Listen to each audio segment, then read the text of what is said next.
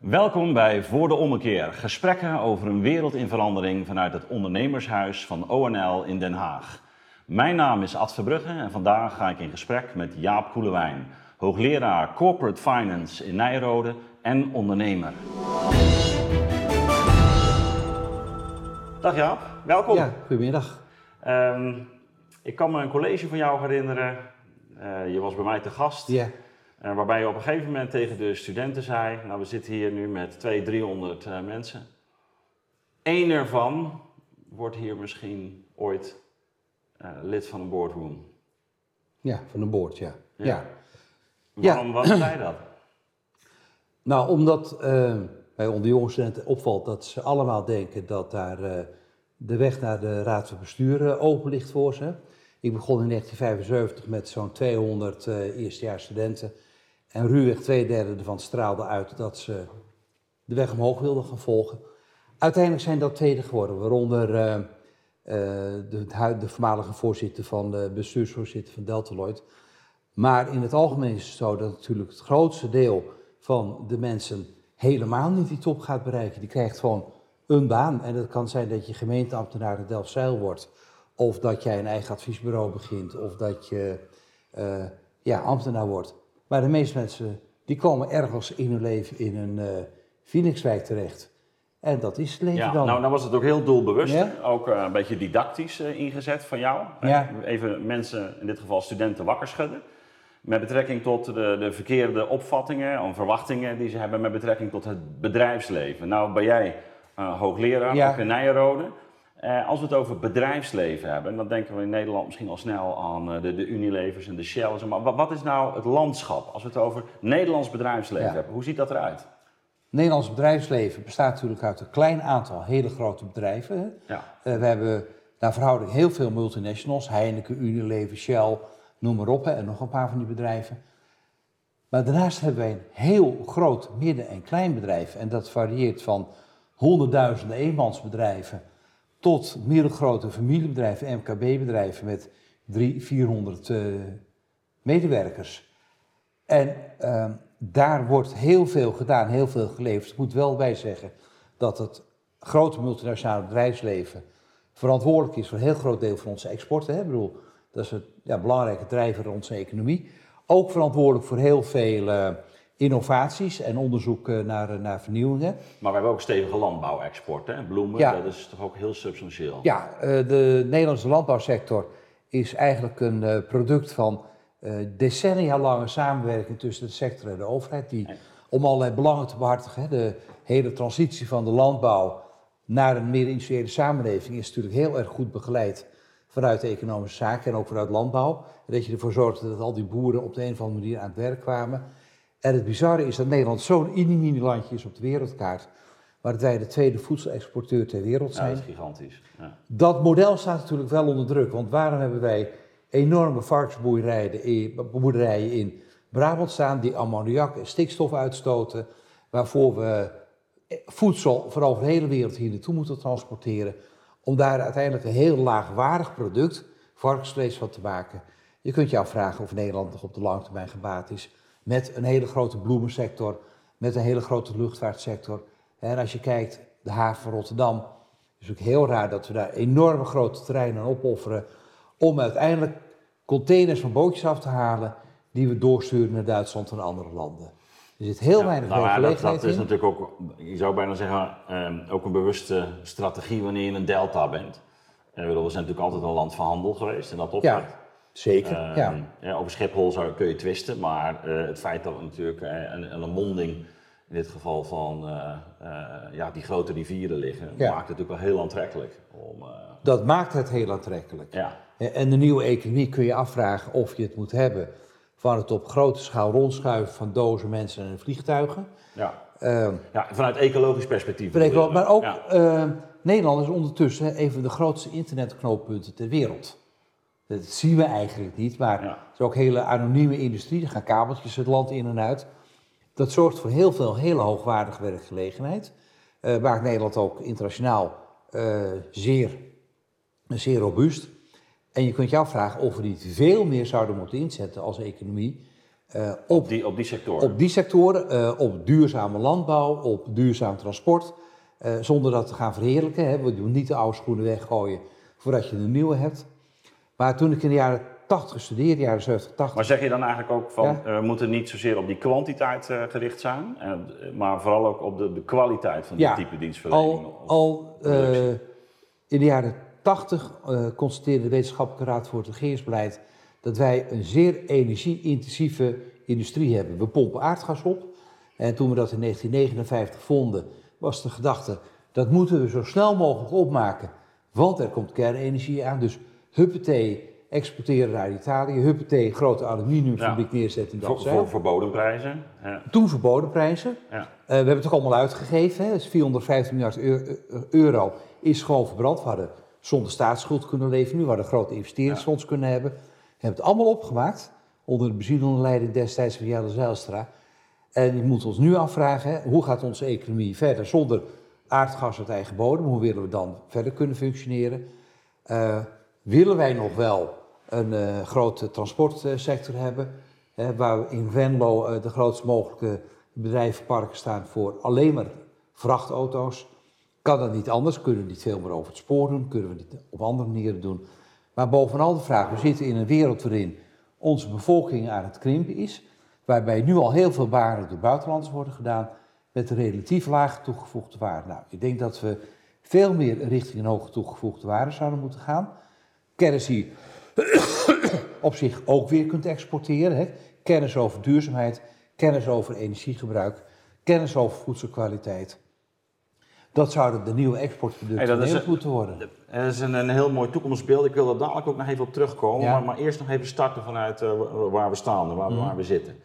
Eh, je had het over die, die rol van van die grote bedrijven Ja. die we in, in Nederland hebben. Ook belangrijk voor de, voor de export. Ik onderbrak je toen even Ja. met, die, met die landbouwsector. Ja. Maar even voor, het- voor het beeld. Als we het over werkgelegenheid hebben. Dus dus eh, hoeveel van de Nederlandse eh, economie wordt verdiend door het grootbedrijf? Ja, En- groot bedrijf is 1% qua bedrijfsaantallen van de Nederlandse economie. 99% is kleinbedrijf. Maar 99 99%. En, en over, hoe groot hebben we het Dan dan? hebben we het over tot 500 ongeveer. Ja, ja, oké. 99%. Je ziet wel dat de toegevoegde waarde per werknemer in het grootbedrijf veel, veel hoger ligt dan in het eh kleinbedrijf. Dat is logisch, hè? in een schoonmaakbedrijf heb je. Ja. minder toegevoegde waarde dan in een eh Bij ASML, om wat te ja, noemen. ASML, ja. Ehm, maar sowieso heb je daar veel beter betaalde banen. En zo, je ziet ook dat die bedrijven veel meer investeren in eh, technologie, kennisontwikkeling en dergelijke. ja. Ze zijn heel belangrijk Ja, voor heel belangrijk. economie. In termen van werkgelegenheid, Heb je het over procent of 20, 25. Dus ja, dus een groot bedrijf 20, 25. 20, 25 procent. En de rest wordt dus verdiend in het In midden, het midden, middenklein bedrijf. Dus de opvatting dat het MKB de motor van de Nederlandse economie is, die klopt niet. Mhm. Eh, en dat het MKB de motor van de innovatie is, klopt ook niet.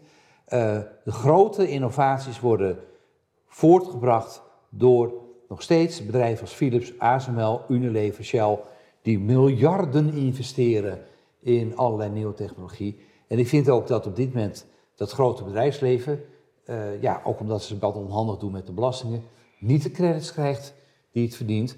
Eh, Ja, bedrijven maar dat, dat hebben ze wellicht inderdaad voor een deel als hebben ze ook een beetje aan danken, eh, ja. Maar we hebben het dus dan niet over de motor, waar hebben we het dan over? Over het vliegwiel? Over, eh, midden, want het middenklein bedrijf speelt wel een belangrijke rol. Ja, die dat faciliteert dat grootbedrijf.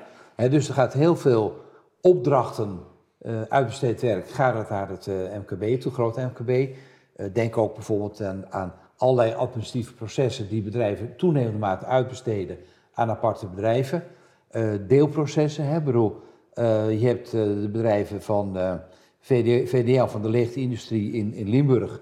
Daar hangt een hele keten omheen van allemaal aanbestedingsbedrijven. En VDL levert op zijn beurt ook weer aan bij, bij bedrijven als BMW en dergelijke. Nou, dus dat is, dat is eigenlijk een heel weefsel van. eh, waar Ik- dus die grote, die grote bedrijven dus wel een heel belangrijke rol vervullen. Ja, Maar die tegelijkertijd natuurlijk eh, waarschijnlijk hier ook weer een aantrekkelijk eh, ondernemingsklimaat hebben, precies vanwege dat weefsel.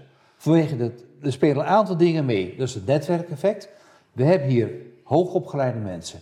We hebben hier een goed justitieapparaat. We hebben een betrouwbare overheid. We hebben nagenoeg geen corruptie. Goede gezondheidszorg, goed onderwijs. Door, Nederland staat in de top 5 van Ja. goede landen in de wereld. Hè. Daar mogen we ontzettend Ja, trots dus dus eh, wat jou betreft zou je ook niet zomaar moeten laten chanteren door een groot bedrijf zeggen, nou dan gaan we weg als we hierheen... eh Ik, als ik Rutte was geweest, had ik tegen Unilever gezegd, dan ga je toch lekker. Als jij voor die paar centen voordeel ja. eh, in Rotterdam komt, people that come for money, go for money. En de bedrijven die voor geld komen, gaan ook weer voor geld. Toont wel de onmacht aan van de huidige beleidsmakers. Want bedrijven als Unilever zijn globaal, kopen globaal in bij overheden qua fiscaliteit, werknemers en technologie. Maar zijn, worden lokaal, vallen onder toezicht. Nou ja, als je het over maatschappelijk ver- verantwoord ondernemen hebt, dan zou ik zeggen, dan begint het natuurlijk ook met grootbedrijven, wel met die eh, erkenning van de, dat je deel uitmaakt van een omgeving waar je ook mee de zorg voor moet dragen, toch? Dat, Ja, maar als de overheid jou paait, zoals Shell, met de mogelijkheid om in Nederland verlies in buitenlandse dokters af te trekken, ze zijn verwend, wou je zeggen. ze hebben het, ze hebben het gevraagd en gekregen. Ja. Dan moet je ze niet kwalijk nemen dat ze het doen. Dit kabinet heeft niet de mogelijkheid, niet de guts om dat aan te doen, want die bedrijven die migreren. Je zou dat dus op zijn minst in Europees verband moeten aanpassen, aanpakken. Je moet banken in Europees verband aanpakken. Je moet belastingbetalingen aandoen. Je moet eh, reguleren op het gebied van productveiligheid. Moet allemaal Europees zijn. En dan moet je niet meer op lokaal niveau doen. En wij denken nog steeds dat wij hier in Nederland eh, heel veel beleidsruimte hebben. De bedrijven die al multinationaal zijn, die bepalen steeds meer de agenda. Kijk naar de, de Googles van deze wereld en de Starbucks. Als je ze niet goed inkaart, dan gaan zij uitmaken waar de belasting wordt betaald. In plaats dat de overheid het uitmaakt. En ik heb mij ongelooflijk verbaasd over de oproep van Mark Rutte dat het salaris, Ja. de salaris in het bedrijfsleven waar ze omhoog moeten. Dan denk ik, meneer Rutte heeft 30 jaar lang in het kader van neoliberaal beleid, in het kader van het akkoord van Wassenaar, heeft u er alles aan gedaan om de loonkosten te verminderen. U heeft geknipt in de pensioenen, u heeft gesneden waar het gaat om eh, sociale zekerheid. En nou maken die bedrijven miljarden winsten. Je hebt de belastingen voor ze verlaagd. En nou zeggen ze tegen ze, jullie moeten de lonen verhogen. Je moet tegen bedrijven zeggen, als jullie geen loonsverhoging geven, dan gaan we jullie beter belasten. En dan verlagen, wij de lonen voor de werknemers. Dit is de onmacht van de politiek ten opzichte van het grootbedrijf. Grootbedrijf heeft in de hele agenda van flexibilisering, eh uitholling van arbeidsvoorwaarden, heeft het zijn zin gekregen. Ze profiteren ervan en nu gaan we 35 jaar neo- neoliberalisme piepen dat ze er wat aan moeten doen. Ja, maar je merkt natuurlijk toch wel, ook als je kijkt ook binnen Europa, maar ook daarbuiten, zeker ook in Nederland, hè, dat het, het, het, het ongenoegen onder de bevolking over die bijzondere behandeling van grootbedrijven, Ja. dat die wel langzaam zijn grens heeft bereikt. Ja, daar zijn we Dus- wel dus- overheen, dus, denk ik, hè, ja. Daar zijn we denk ik al overheen. Dus je ziet, eh, de- en je merkt ook dat, er- nou ja, ik denk dat een van de redenen waarom Rutte nu komt, heeft precies daarmee te maken. Hij wil stemmen kopen. Hij Ja, wil stemmen kopen van de. FVD, PVV en SP. Dat is natuurlijk met de Europese verkiezingen al aardig gelukt. Pensioenakkoord is hetzelfde verhaal. Je had ook kunnen zeggen als overheid, ja, pensioenfondsen, die lage rente, de vergrijzing, is jullie probleem. Jullie wisten 40 jaar geleden al dat de vergrijzing zou optreden. Je wist dat de levensverwachting zou gaan stijgen. En nu zei je met de pet in de hand bij de centrale overheid, doe iets aan de AOW-leeftijd. Ik zou zeggen, gaat u dat lekker uitzoeken. Dat doen ze niet om de maatschappelijke onrust te beteugelen. En Koolmees, die koopt natuurlijk met het pensioenakkoord, koopt die stemmen. Want hij neutraliseert het FNV, hij neemt de PVV en andere partijen de wind uit de zeilen. En hij sorteert in feite al voor op een komende verkiezingswinst van de coalitie. Maar wat men doet, is nu labmiddelen doen, niet de aanpak doen waar die nodig is. Wat, wat de hele discussie over maatschappelijk verantwoord ondernemen, waar die aan voorbij gaat, is dat het niet aan de onderneming is om maatschappelijk verantwoord te ondernemen. Ik ben een groot aanhanger van Milton Friedman, die zegt: de ondernemer moet handelen in het belang van de aandeelhouder. En dat betekent dat je moet zorgen dat je een optimale, maximale winst maakt. Als wij als samenleving daar wat anders in willen zien, en dat zien we, dan moet je niet bij het bedrijfsleven komen zeggen van, goh, Axo, wil een project voor mensen in India gaan ondernemen, dat ze daar kunnen functioneren? Of eh ABN AMRO, hou nou toch op een of andere kunststichting te, financieren. Als wij vinden dat de banken een loopje nemen met regulering, wat ze doen, dan moet je die banken aanpakken. En dan moet je niet komen zeuren over zou je niet eens een beetje maatschappelijk verantwoord gaan ondernemen? Nee, maar je, je zegt eigenlijk geen moreel appel, maar gewoon uh, structureel en via wetgeving en via toezicht. En er past ook een moreel appel bij. We zien in toenemende mate. Nee, maar goed, je zou kunnen zeggen natuurlijk, wat, wat, wat Rutte doet, is een moreel appel. Als je Friedman daar tegenover zet, dan zeg je ja, moet je luisteren, de, de bank zoekt gewoon de weg van de minste weerstand. Of de, de, de, de, weg van de meeste winst. En dat doet TNT Post ook als zij uh, door mensen flexcontracten aan te bieden. de post nog weer goedkoper kunnen nee, maken. Nee, maar dat bedoel ik. Dus dat is niet alleen een moreel appel, maar dan zeg je dan moet er dus een vorm van, van regulering ja, of de, of handhaving. De, of de consument moet zeggen van. Wij hoeven dat pakketje van TNT niet meer op zaterdagmorgen te hey, maar nou denk ik, dus e- even, dus bij dat grootbedrijf is die, denk ik, die analyse voor een deel wel correct. Hè? Toch denk ik, als ik nou gewoon um, naar een midden- en kleinbedrijf ja. zit, dan heb je toch een, een wat andere maatschappelijke uh, rol over het algemeen, van alle maatschappelijk bewustzijn.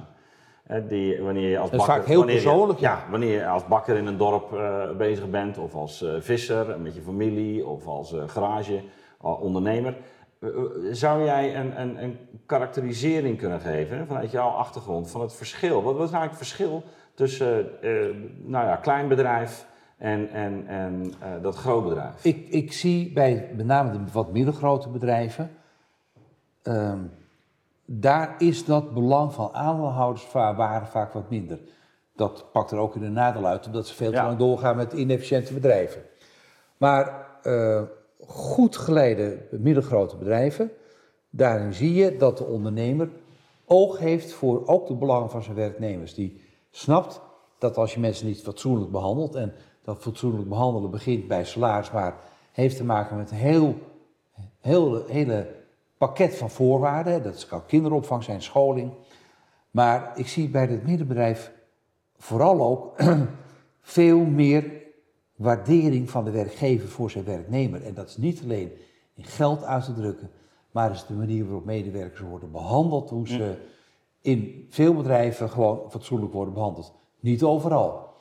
Maar een voorbeeld, de lokale Albert Heijn bij was een franchise tot een aantal jaren geleden. Mm -hmm. Man had daar zijn bedrijf, waar hij overigens heel goed mee verdiende. Maar die was ook voor die scholieren die er werkten, was hij een goede werkgever. Die zorgde dat ze, als de ouders daar regelmatig kochten, dat die in één keer zoveel tijd een voordeelbon kreeg. Je zegt, waar gaat het over? Een persoonlijke benadering. Mensen ja. voelen zich gewaardeerd. Ja. En hij, hij, regelde ook af en toe voor een, een scholier ergens een stageplaats of wat dan ook allemaal. Dat betekent dat je vanuit een bepaalde vorm van betrokkenheid uh, opereert. En daarbij deksels goed in de gaten houdt dat als jij goed omgaat met je werknemers en met je, met je klanten, dat je daar uiteindelijk een heel goed lopend bedrijf kunt hebben. Hè? En dan gaat het je niet om de maximale winst. Maar dan heb je, dan heb je het ook bij uitstek ook over het bedrijfscultuur die je onderhoudt. Hè? Dat, ja, dat, de dat je, dat goed je blijven. Dat, uh, mensen inderdaad als, als uh, waardevolle ja. participanten ziet. En dat je af moet vragen, moet je alles daar terugzetten naar die flexcontracten? Moet je alles terugzetten naar de minimale regelingen? Dat was de afgelopen 50 jaar of 40 jaar de teneur in het land. Kijk naar de overheidssalarissen, kijk naar de lerarensalarissen. Het was minimaliseren, snijden in de arbeidsvoorwaarden. Maar wat je nu bijvoorbeeld ook ziet, hè, dat hele lerarenprotest wat we hebben, dat gaat niet alleen over salaris. Het gaat er ook om dat docenten eenvoudigweg niet meer worden gewaardeerd. Absoluut, ten diepste over erkenning. Ten diepste ja. gaat het erom dat als jij je kinderen toevertrouwt aan een docent, dat je waardering voor hem moet hebben en hem niet als een dienstverlener moet zien. En ik heb me laatst ontzettend kwaad gemaakt over een uitspraak van Sibrand Buma. Die zei, als mensen tijdelijk niet op de arbeidsmarkt terecht kunnen, dan moeten ze maar stageplaatsen geven in de zorg en op scholen. Dan denk ik van, de zorg voor jouw moeder. Ja, het een soort, dus, ook een soort tweederangs activiteit Ga jij dus overlaten aan uh, die, dat, dat, dat laaggeletterde meisje dat niet helemaal mee kan komen. Dat getuigt van een ontzettend diep disrespect. Ja. Ja, ik denk dat erkenning sowieso een van, een, een, ja. een van de belangrijkste uh, bronnen is, zowel van arbeidsproductiviteit of, te, of te, tevredenheid. Tevredenheid vooral. Tevredenheid, ja, maar ja. daarmee natuurlijk ook met uh, ziekteverzuim en noem maar, maar op. Ja. Dus, dus Ehm, of zelfs burn-outs, hè, mensen die eh, eh, opbranden omdat ze te, te weinig herkenning krijgen of Ja, te veel en- onder druk staan of En, niet en gezien gewoon worden. eindeloos bezig zijn met procedures en protocollen. Ja, hey, de- de- nu kun je zeggen dat eh, voor een deel dat groot bedrijf ehm, eh, het karakter heeft, eh, voor een deel, van een, van een wat bureaucratische organisatie. Hè. Dat is Ja. onvermijdelijk ook. Ehm, dat is natuurlijk in het midden-kleinbedrijf een stuk, een stuk minder.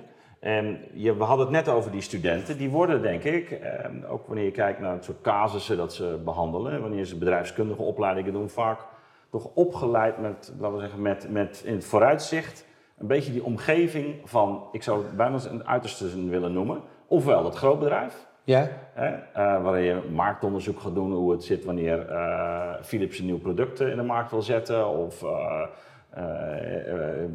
voor mijn part Facebook. Ja. Dan wel de start-up. Eh, Ja. Dat hoor je tegenwoordig ook heel veel. Dus Ja. een soort start-ups en grootbedrijf. We, kunnen de, maar wat voor soort competenties heb je nou nodig voor mensen die in dat midden- en kleinbedrijf eh, werken? Ja. Krijg je die voldoende bijgebracht, bijvoorbeeld op een universiteit of een HBO? Ik vind, ik vind het veel te weinig. Kijk, eerst even over die hype van start-ups. Ja. Ik eh, zeg altijd tegen mijn studenten, fijn dat je bij start-up gaat werken. Hou in de gaten dat 99% van de start-ups het niet gaat redden. 99,% hè. Dus Nou, is dat, ja, dat is echt 1%, zo? Ja? 1% wordt echt wat. En dan heb je natuurlijk de meest extreme voorbeelden zoals Adyen. Maar heel veel bedrijven die starten zijn vaak spin-offs van grote bedrijven. Ook ASML was een spin-off van Philips en nog een paar van die Ja. bedrijven. En heel veel start-ups zijn mensen die hebben een idee van een app. En dan gaan ze dan eh, proberen, dan kun je niet opschalen. Of ze zitten duurzaam bier te brouwen. Prachtig hoor, ik kon het graag proberen. Eh, maar heel klein deel wordt daarvan echt succesvol in de zin dat ze schaalbaar zijn. Als je Dus dat, is, dus dat vind je ook echt een hype? Dat, is- ja, dat en de hele cultuur van alle provincies, gemeentes die moet allemaal start-ups eh, allemaal start-up boutiques hebben. Als mensen echt een goed idee hebben en ze kunnen echt iets, dan, dan vinden ze financiering. En de meeste start-ups zijn niet de jongetjes en meisjes net van de universiteit af. Dat zijn mensen van 35, 40, 45 Die jaar hebben een tijd in een bedrijf die in een bedrijf hebben Ja. gewerkt, die hebben leren ondernemen, die hebben leren zakelijk te denken en hebben een idee wat ze eh, niet bij hun eigen werkgever kunnen uitvoeren. Ik ben nu heel erg bezig met allerlei alternatieve financieringsbedrijven. Heel veel van die bedrijven worden opgericht door mensen die hebben 20 jaar bij een bank gewerkt, die zien dat het klantvriendelijker kan, dat het efficiënter kan en goedkoper kan. En die beginnen dan een start-up met professioneel eh, venture cap- capital erbij. En die moeten nog keihard werken om hun voeten droog te houden. Nou, jij kunt niet een alternatief financieringsplatform beginnen als je nog nooit een krediet hebt gegeven. Je kunt dat niet doen als je geen ervaring hebt in programmeren. Je kunt dat niet doen als je geen ervaring hebt met wet en regelgeving. Ja. Dus de gedachte dat jij met je bedrijfskundediploma in de hand wel even start-up kunt gaan beginnen, vergeet het maar. Oké, dat zijn die start-ups. Behalve Dus- bij dus- mijn zoon die werkt bij Swapfiets. En dat zijn twee Delftse studenten die zagen gewoon een gat in de wart. En die zijn vanuit een schuurtje begonnen. En er rijden nu in Nederland 30.000 ja, Swapfietsen. ja, rond. zeker. Ja. Maar dat, dat, ook dat is heel snel commercieel gemaakt. Heel effectief trouwens. Ja, en, en krijg je weer een grote organisatie. eigenlijk. krijg je weer een grote organisatie met eh hiërarchie, bureaucratie, opleiden van mensen en eh, stageplekken. Ja, dat gebeurt ja. allemaal. Hey, maar dan, dan, dan toch even terug naar dat. even- Dit zijn de start-ups, midden-klein bedrijf. Wat voor soort competenties zijn er nodig? Wat, wat, Eh, ik denk dat een goede ondernemer, die heeft verschillende competenties. En eh, hij moet die stappen van of geld, finance, of van marketing, of van personeelsmanagement. ja, dus wat moet je kunnen hè, als Nou, je, je moet, zit in vergelijking eh, met, eh, laten we zeggen. Als jij, als jij gewoon een middelgroot bedrijf bent, dan moet jij kunnen onderhandelen met banken, financiers, crediteuren en debiteuren over hoe je met ze omgaat, wat je van ze verwacht en hoe je het doet. En je moet ook gewoon commercieel denken en je realiseren dat de bank geen caritatieve instelling is. Dus jij een ondernemersplan indient bij een bank of financieringsplan, dat je dat van het begin tot het eind goed doordacht hebt. En dat je ook zelf risico neemt. En ik denk dat de bereidheid om risico te nemen, dat dat het belangrijkste is wat een ondernemer moet kunnen. Als je niet bereid bent om risico te nemen, dan moet je er gewoon niet aan beginnen. Ga lekker in loondienst, Maar begin niet je eigen bedrijf. Oké, maar nu, nu, nu heb je gewoon die, eh, die 50 man. Ja. Wat, wat, wat, wat, wat voor soort vaardigheden? Waar moet je over beschikken? Wat is belangrijk? Je moet eh, vasthoudend zijn. Echt heel vasthoudend.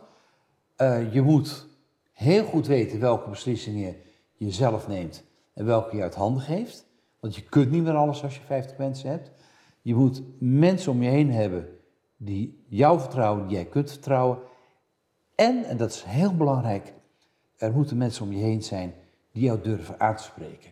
Want op het moment dat je ook maar een ini beetje macht begint te krijgen, dan begint het grote proces van corrumperen, overmoedig zijn en verleiding, verleiding van de zonnekoning. De, het, al is het maar dat je dat bonnetje van het etentje met je vrouw in de kast van de zaak stopt, dan is het maar dat je dat uh, reisje op de zaak zet. Dan is maar dat je je badkamer uh, thuis op de zaak zet. Het zijn allemaal grenzen die je overgaat en die je niet moet hebben. Uh, je moet zakelijk zijn. Een ondernemer met 50 mensen moet bereid en in staat zijn, iemand die al 10, 20 jaar bij hem werkt, om daartegen te zeggen, wij gaan niet meer met elkaar door. En je moet bereid zijn uh, die trekker over te halen. Ondernemen betekent dat je ook hele pijnlijke, hele harde keuzes kunt maken. Het kan ook zijn dat je een onderdeel sluit, kan zijn dat je een onderdeel verkoopt, kan zijn dat je een investering, dat je die terugdraait. Dat betekent dat je, je moet die menselijke maat hebben in je omgang met mensen, maar je moet tegelijkertijd ook in staat zijn om ermee te stoppen. En de grootste fout die heel veel ondernemers maken, dat ze veel te veel houden van hun eigen product. En dat denken dat dat het beste is en geweldig is, terwijl uh, elk product heeft een beperkte houdbaarheid. Elk product komt aan het einde van zijn levenscyclus. Er komt altijd weer concurrentie. Dus je bent ook altijd bezig, elke keer. Maar dat is, want maar je, je, hebt, je, hebt, ook een uh, adviesbureau, ja. Uh, financieel denkwerk. denkwerk. En, maar is dat ook wat je tegenkomt in je, in je praktijk? Ik kom het bij dat mezelf is, tegen. Ja, dat het businessmodel dat tien ja. jaar geleden nog, 15 jaar geleden nog fantastisch werkte. Lezingen geven, ja. krantencolumns schrijven. Er zijn geen kranten meer die columns van je nemen. Bovendien deed het 15 jaar. Lezingen, banken doen het niet meer. Dat betekent dat je in dat opzicht dus een inkomstenbron verliest. En dan moet je je afvragen, waar ben ik nu wel of niet goed in? En dan moet je dus gaan sturen op waar je goed in bent. En dan moet je ook dat in je netwerk doen. Dus mag je dan, kom met enige vertraging op, het allerbelangrijkste wat je als werknemer goed werkt, als als ondernemer goed moet doen, is netwerken. Uh, hak het uit in, in marmer en zet het boven je, hang het boven je bureau, boven je bed, in je keuken. Netwerken. Je moet altijd met mensen praten en je moet met iedereen kennis maken, oprecht belangstelling hebben in mensen. En je weet nooit, maar ook helemaal nooit, waar een nieuwe opdracht vandaan kan komen. Ik heb nu twintig jaar mijn praktijk. En dat betekent dus ook, netwerken is dus wat anders dan, dan producten proberen te slijten. Netwerken is ook gewoon met mensen praten. Ook al zit je, kom je op zaterdagmorgen uh, op, het, op de voetbalclub of de hockeyclub, wat helemaal erg is. Uh, praat met mensen. En uh, probeer niet onmiddellijk iets te verkopen, want dat is niet heel. Laat gewoon zien wie je bent en wat je doet. Uh, wat ik mensen ook altijd meegeef is uh, help af en toe gewoon eens iemand. Het kan niet schelen wat het is. De student die vast zit met de scriptie, ga een keertje een uurtje met hem zitten, praat er een keertje over. Uh, iemand die worstelt met zijn beleggingsportefeuille, die geen idee heeft wat hij moet doen, praat een keertje met hem. Ga niet onmiddellijk denken, kan ik daar wel een rekening achteraan sturen? Ja, uiteindelijk mm. moet je natuurlijk wel een rekening sturen.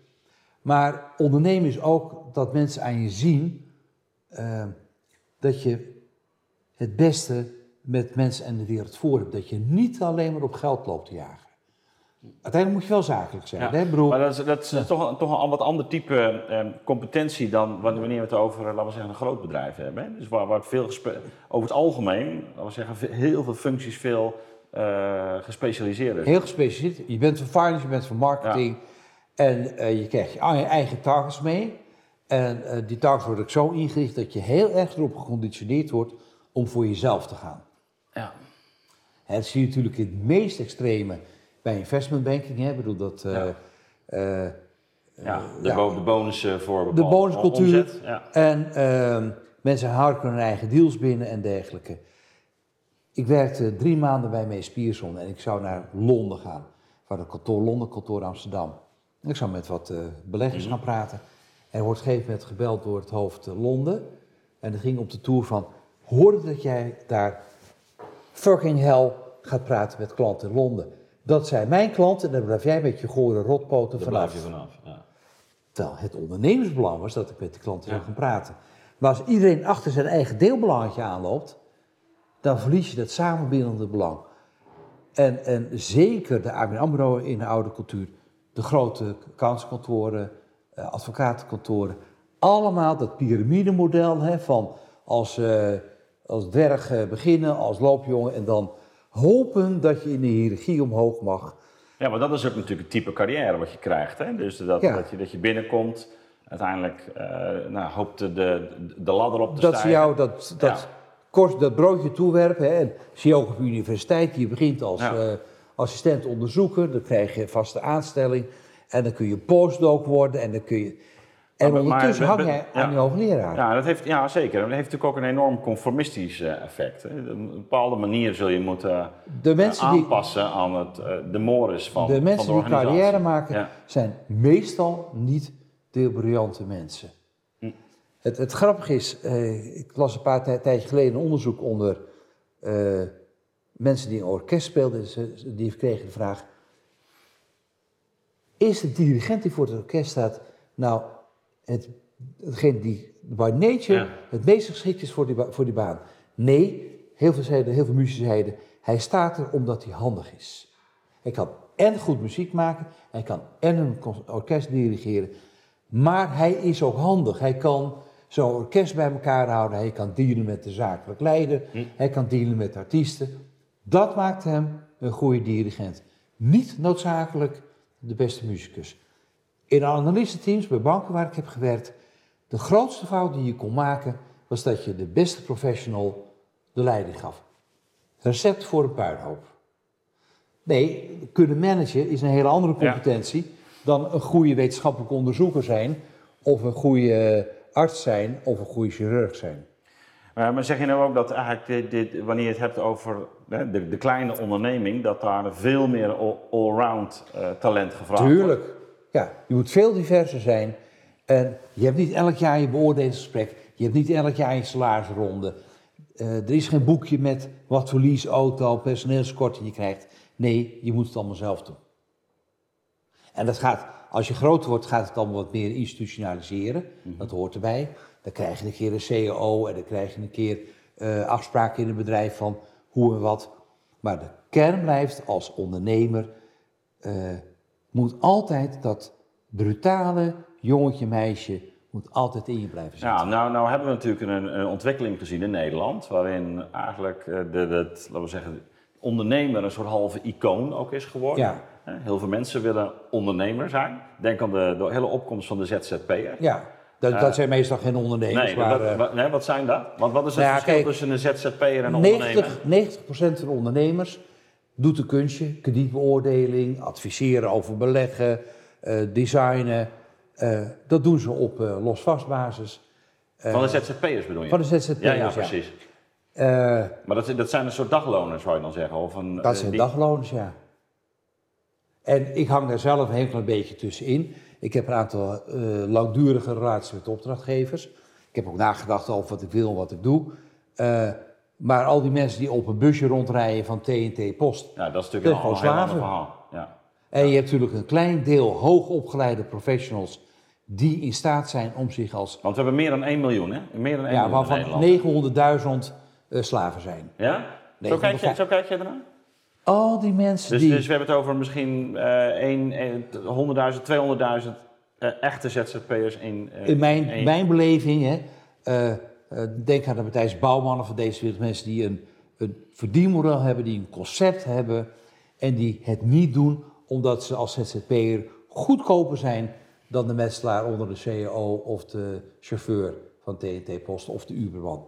Dat zijn allemaal eh, slaafjes van het neoclassieke liberalisme. Ja. We, we betalen, dat- dat- geen, betalen geen premies. Dat wordt opgehemeld en het wordt eh, bejubeld. Eh, het, het is echt Want hoe, heel hoe- slecht. want hoe kijk jij nu naar het Nederlandse landschap? We zeggen nu wel van nou ja, met die ZZP'ers is eigenlijk heel handig, flexibele schil, ook Ja. voor bedrijfsleven. Ehm, we hebben dus dat midden-kleinbedrijf. Nou, je hebt er net een eh, karakterisering Ja. eh, van gegeven. We hebben de start-ups. Dan vergeet even de start-ups. ja, die, die start-ups die zijn Eh, dus... Midden- en kleinbedrijf leunt ook zwaar op ZZP'ers, omdat heel veel werkgevers het niet aandurven om mensen in dienst te nemen. Als jij iemand aanneemt en die worden drie maanden ziek, zit je twee jaar loonbetaling door. Ja. Eh, je moet je verzekeren tegen allerlei ziektekosten.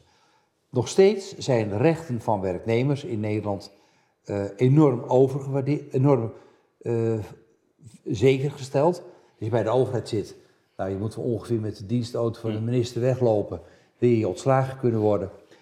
maar goed, je had het net ook kritiek op die flexibilisering. Ja, de, die flexibilisering is doorgeschoten. Dus, eh, en dat los je op door ook als overheid daar niet voortdurend een beroep op te doen. Als jij als overheid aanbesteedt, eh, dan... Maar, maar ja, als ik jou Ja? goed begrijp, dan zeg je ja, die flexibilisering, dat komt eigenlijk omdat onze reguliere vaste arbeidscontracten toch nog steeds eh, te grote risico's met zich meebrengen. Ja, en ze zijn, heel veel dingen zijn gewoon kapot bezuinigd. Een overheid die, als hij opdrachten voor de bouw aangeeft, dat op zo'n manier doet dat aannemers alleen maar kunnen uitvoeren als ze heel veel flexibele schil, Polen en eh Mhm. Moldaviërs hebben, dan je als overheid ook fout bezig.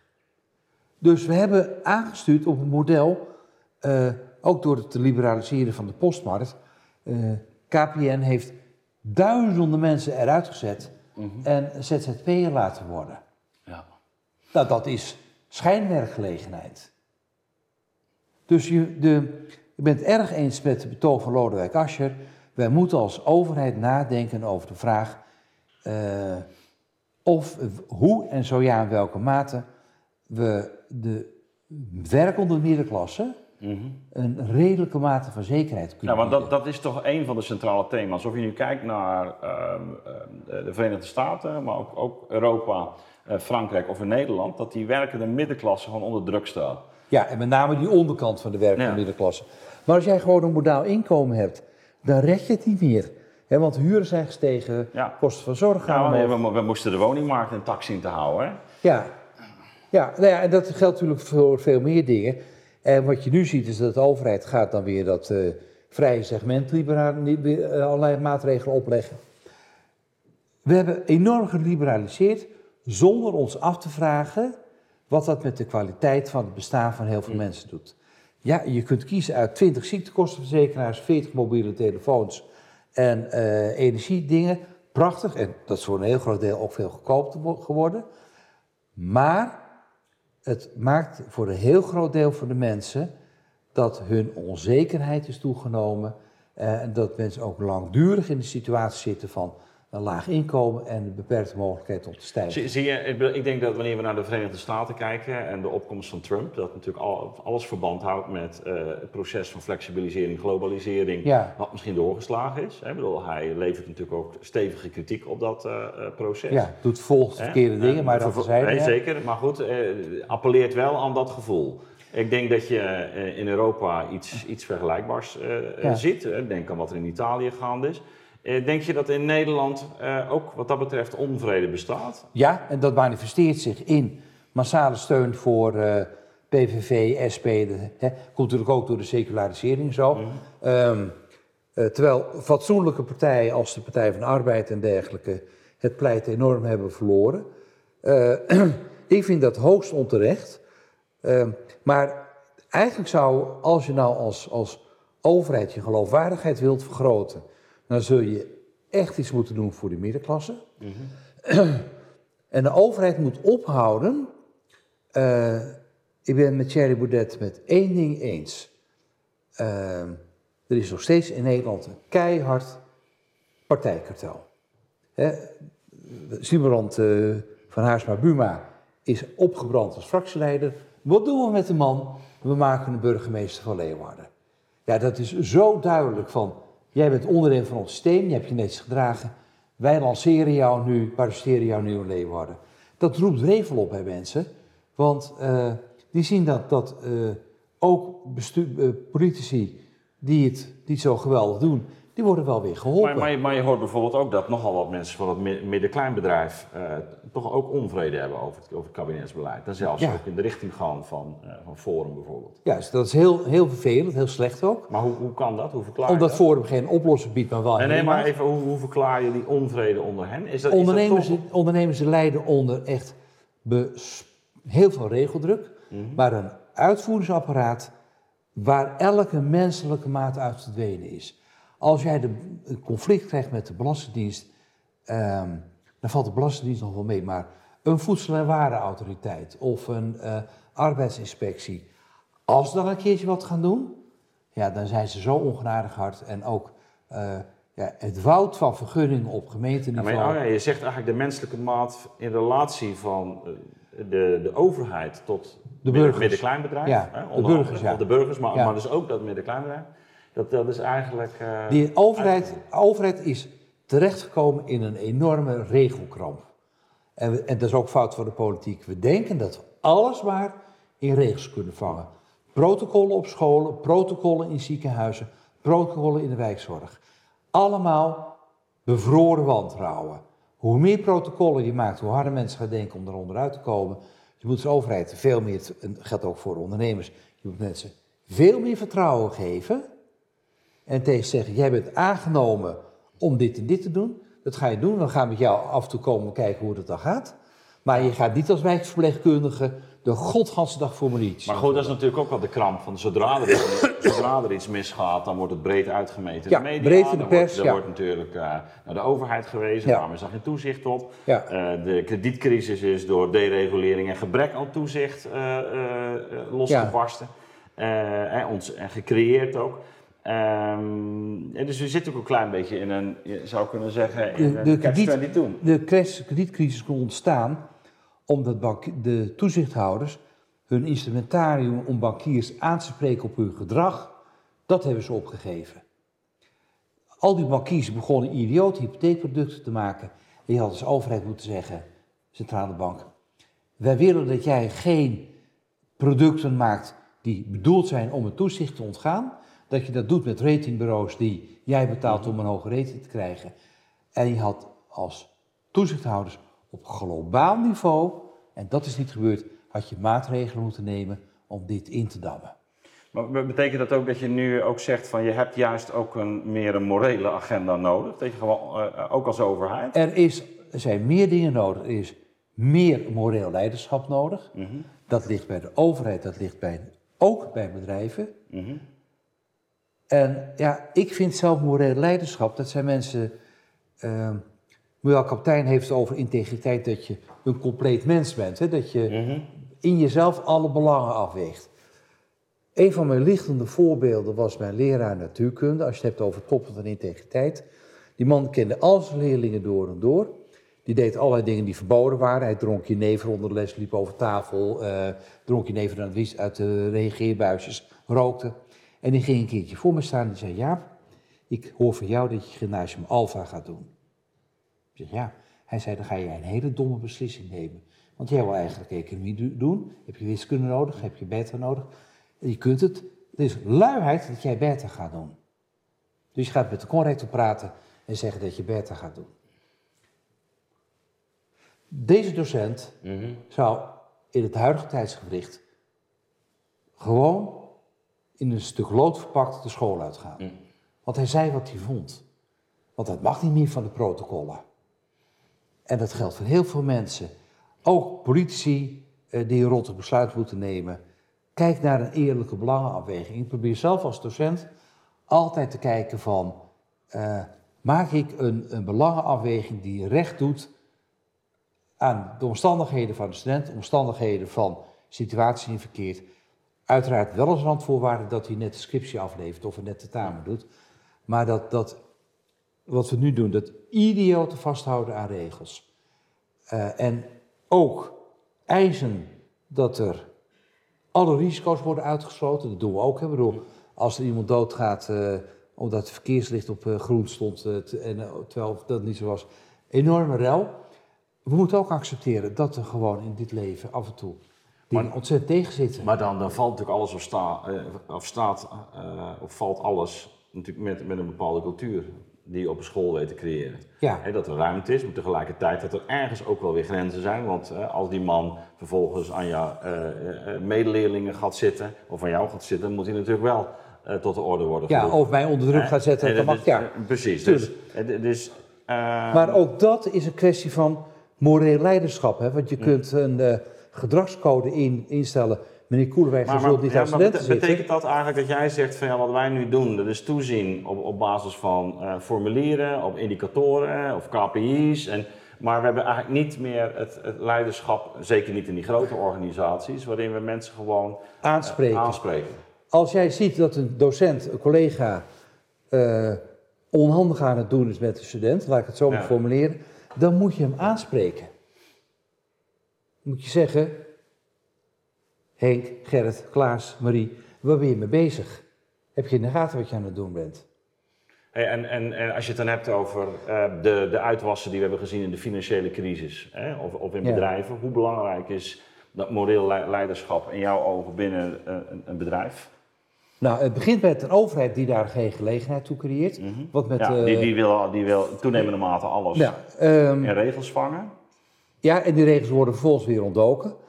Ik denk, Ja, dat is een hele branche. Hè? Dat is, toch, toch. ehm, ik was laatst bij een lezing van Jean-Philippe van Boksmeer van Heineken. Mhm. Man doet dat al acht jaar. En die vertelde, hij gaat gewoon bij zijn lokale vestiging af en praat daar met mensen, ook individueel. Waar ben jij mee bezig? Hoe gaat het met je? Wat ben je aan het doen? Die komt niet alleen managementrapportages ophalen, maar die praat ook met zijn mensen. En eh, ik heb afgelopen jaren heel veel pensioenfondsen en woningbouwvisitaties eh, gevisiteerd. Je krijgt fantastische rapporten. Ik neem altijd even de voorzitter apart bij een broodje, kopje koffie. Ga eens even met die man praten. En hoe gaan dingen nu? ja, je wilt toch wel gewoon het, het verhaal. Ik wil de man of vrouw in kwestie zelf spreken. En ik praat ook met zijn secretaresse en zijn controller. En die vertellen me vaak haarfijn hoe de zaak in elkaar zit. Zonder dat ze zich daar overigens bewust van zijn. Maar ik heb meegemaakt dat de secretaresse mij vertelde... ja, ik zie hier allemaal bonnetjes langskomen van diners die ik niet kan plaatsen. Dat is keurig protocol wat te declareren. Ja. Maar zij ziet dat hij het niet doet. Daar moet zo'n man op aangesproken worden. Want anders duurt het vijf jaar, tien jaar en dan ontploft de boel een keertje. Zoals laatst aan de UvA, Ja. waar de docent na 15 jaar eruit gaat. Als mensen dat al lang breed weten, waarom zegt niemand dat? ja. Dat heeft te maken met macht. Hey, laatste vraag. Wat is volgens jou de belangrijkste deugd wat gaat om eh, overleven van een eh, onderneming? Wat, is, wat moet je als leider hebben? Naast het feit dat je die cultuur op orde houdt. Hè, en dat, eh, dat hebben we gezien bij de banken, maar je ziet het eh, ongetwijfeld ook in een, eh, een onderneming van 20 of 30 eh, personen.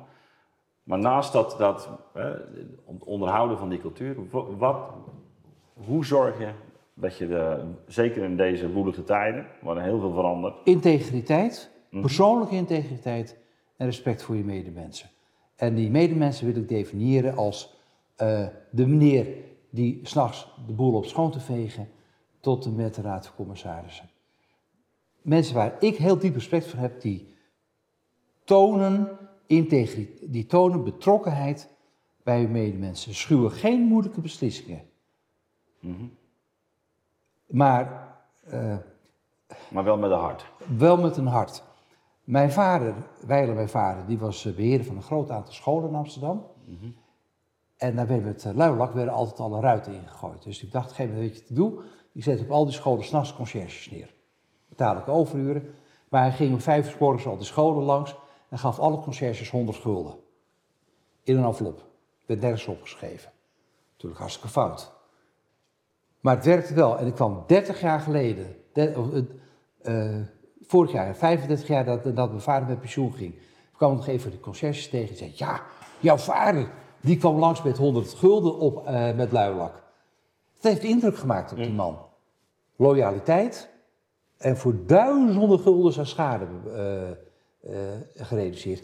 Dat zit hem dus enerzijds op het lef om af en toe over de regels heen te stappen en zeggen, up yours, Ja. ik doe wat ik goed vind. Mhm. Maar wel dingen doen, die, dingen vermijden die echt niet kunnen. Bedoel, uiteindelijk bedoel je mag niet stelen, mishandelen, slaan. Maar integriteit kan ook zijn dat je in sommige gevallen, dat is ook de boodschap van mijn collega Edgar Karsing, integriteit is ook dat je op een andere manier dan de regels met de regels omgaat dan als op papier staat. Comply or explain. Hè, bedoel, je kunt uitzondering maken, je kunt het anders doen. Dat moet je uit durven leggen. Dat is ook persoonlijk leiderschap. Oké. Hey, dank je voor dit gesprek. Ja, graag gedaan.